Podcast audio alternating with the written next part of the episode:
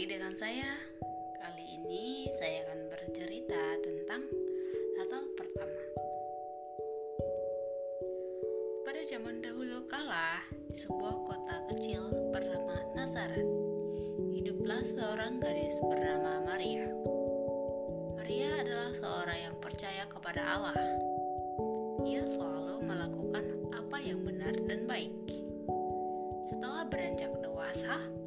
Maria memutuskan untuk menikah.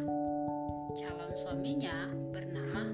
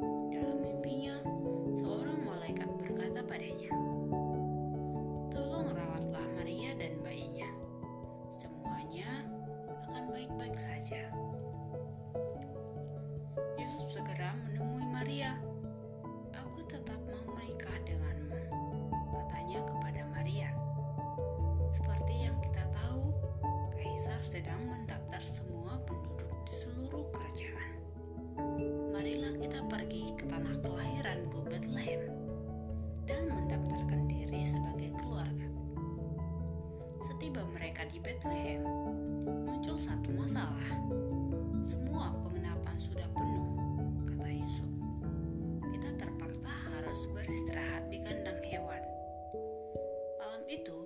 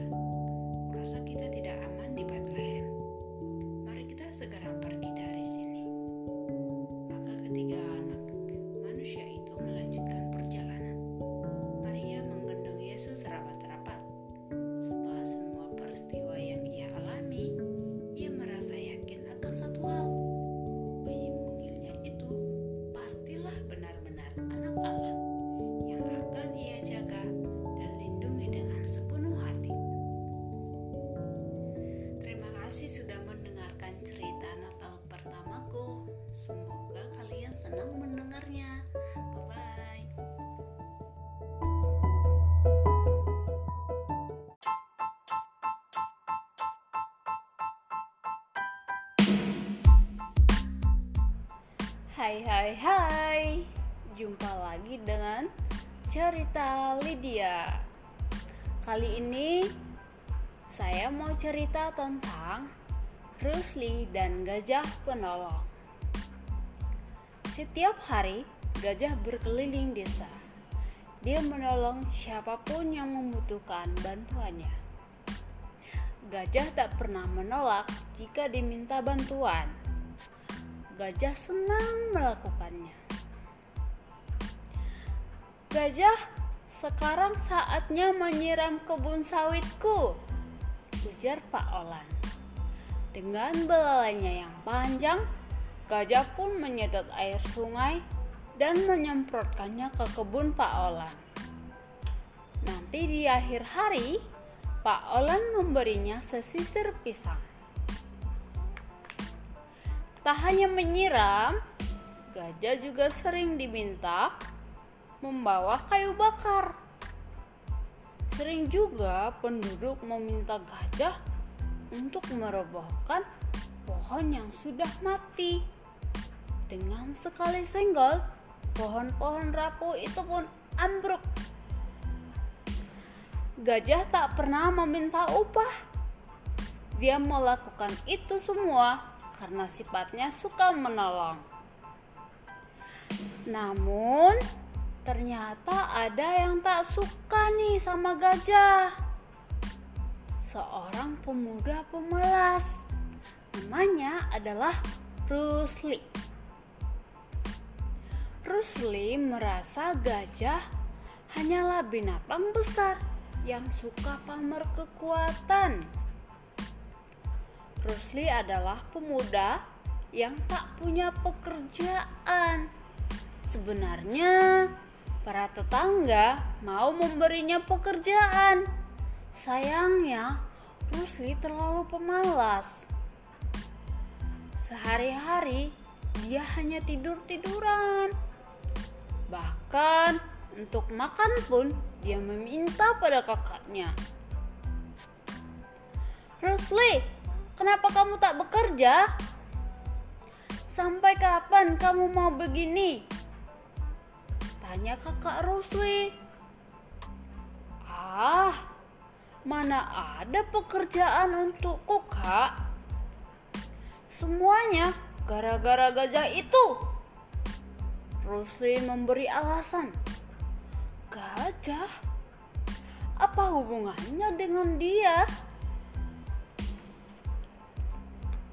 Rusli lalu mulai memberi alasan ini dan itu. Sebenarnya aku mau saja menyiram kebun Pak Olan. Tapi gajah sudah mendahuluiku. Lagi pula, Pak Olan tak perlu keluar uang karena upah untuk gajah cukup sesisir pisang. Kakak Rusli mengernyit. Hmm, benarkah begitu?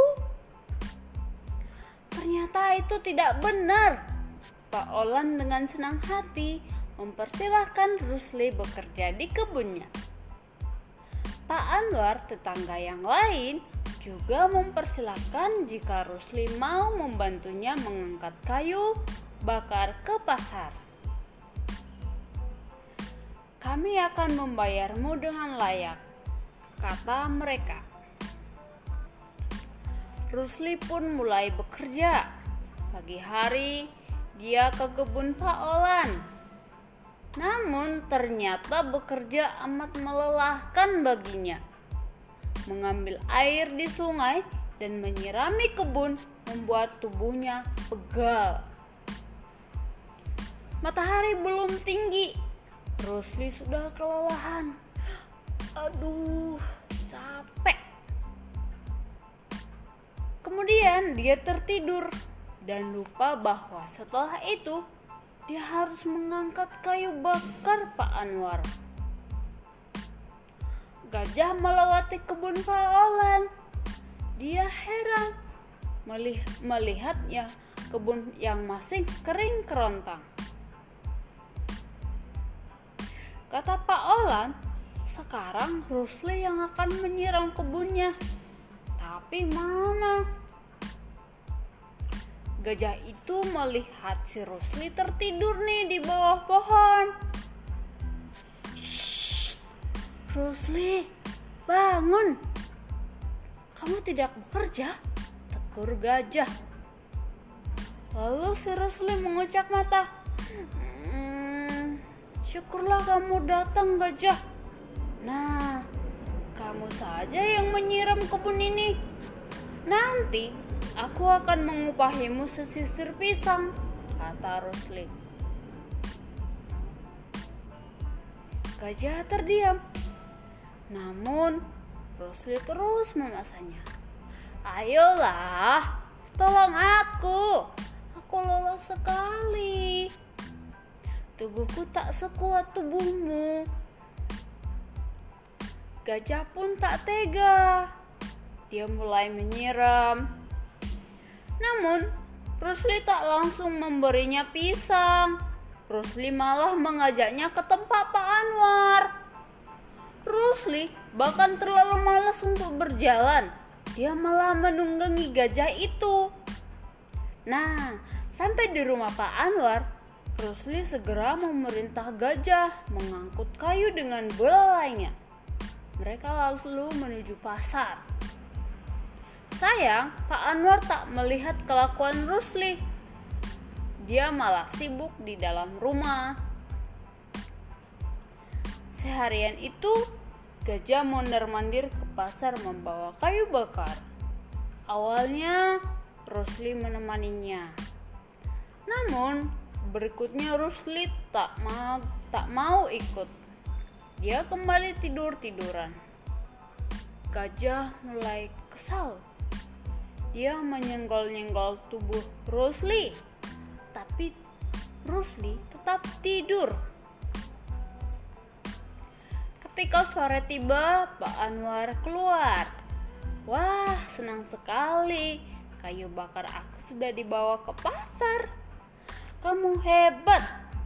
Kayu sebanyak ini bisa kamu bawa semua. Puji Pak Anwar. Rusli menerima upahnya. Anwar tak tahu gajah yang membawa semua kayu bakar itu. Rusli juga menerima upah dari Pak Olan. Wah, ternyata kamu rajin juga ya, kata Pak Olan. Rusli tersenyum lebar. Sementara gajah menahan diri untuk tidak memberitahu yang sebenarnya. Gajah kasihan jika Rusli harus kehilangan pekerjaannya. Setiap hari terus begitu. Gajah yang bekerja, Rusli yang menerima upah. Gajah tak masalah, dia senang membantu. Namun, akhir-akhir ini gajah gelisah. Rusli tak lagi memberinya pisang. Rusli lupa pada janjinya. Dia bilang, gajah bisa mengambil pisang sendiri. Belalaimu kan panjang, tubuhmu besar. Apa susahnya mencari pisang sendiri? Gajah jadi sedih. Dia sudah berbaik hati menolong, tapi Rusli malah mengingkari janjinya. Padahal gajah lapar sekali. Namun, gajah tetap tak mau mengadu. Dia bahkan tetap membantu Rusli. Hanya sesisir pisang. Nanti aku bisa mencari sendiri. Pikir gajah. Namun lama kelamaan tubuh gajah tak kuat. Rusli memaksanya bekerja terlalu berat. Gajah tak boleh beristirahat. Gajah juga tak boleh mencari pisang Pokoknya gajah harus terus bekerja. Akhirnya gajah pun sakit. Dia tak bisa bekerja. Bagaimana ini? Aku capek. Rusli mulai mengeluh. Padahal dia baru menyiram sepetak kebun. Rusli, hari sudah siang. Mengapa kamu belum juga selesai? Tanya Pak Olan. Eh, anu, um, eh, Rusli tak bisa menjawab. Demikian juga di tempat Pak Anwar, Rusli bekerja dengan lambat. Sebentar-sebentar, dia istirahat. Dia juga tak mau membawa banyak kayu ke pasar. Terlalu berat. Pikir lus Rusli. Para penjual kayu dibakar di pasar pun heran. Kenapa kayunya sedikit sekali? Tanya mereka. Rusli bilang, hari itu memang tidak ada kayu. Rusli berbohong. Ah, paling-paling kamu malas membawanya. Mana gajah temanmu itu? Tanya mereka lagi. Saat mereka berbincang, Pak Anwar datang. Dia datang untuk menagih uang. Betapa terkejutnya Pak Anwar melihat kayu yang dibawa Rusli. Kenapa sedikit sekali? Bukankah seharusnya ada banyak? Tanyanya. Seorang pedagang menjawab, dia malas membawanya pak. Biasanya kan dibantu gajah. Pak Anwar melotot. Benarkah begitu? Iya, iya. Setiap hari gajah yang membawanya, kata para pedagang. Pak Anwar menghela napas dengan kesal. Kamu menerima upah dariku, tapi malah menyuruh gajah yang bekerja. Rusli menunduk malu. Dia berharap Pak Anwar tak akan mengadu pada Pak Olan namun Pak Anwar tak mau diam. Dia menceritakan semuanya pada Pak Olan.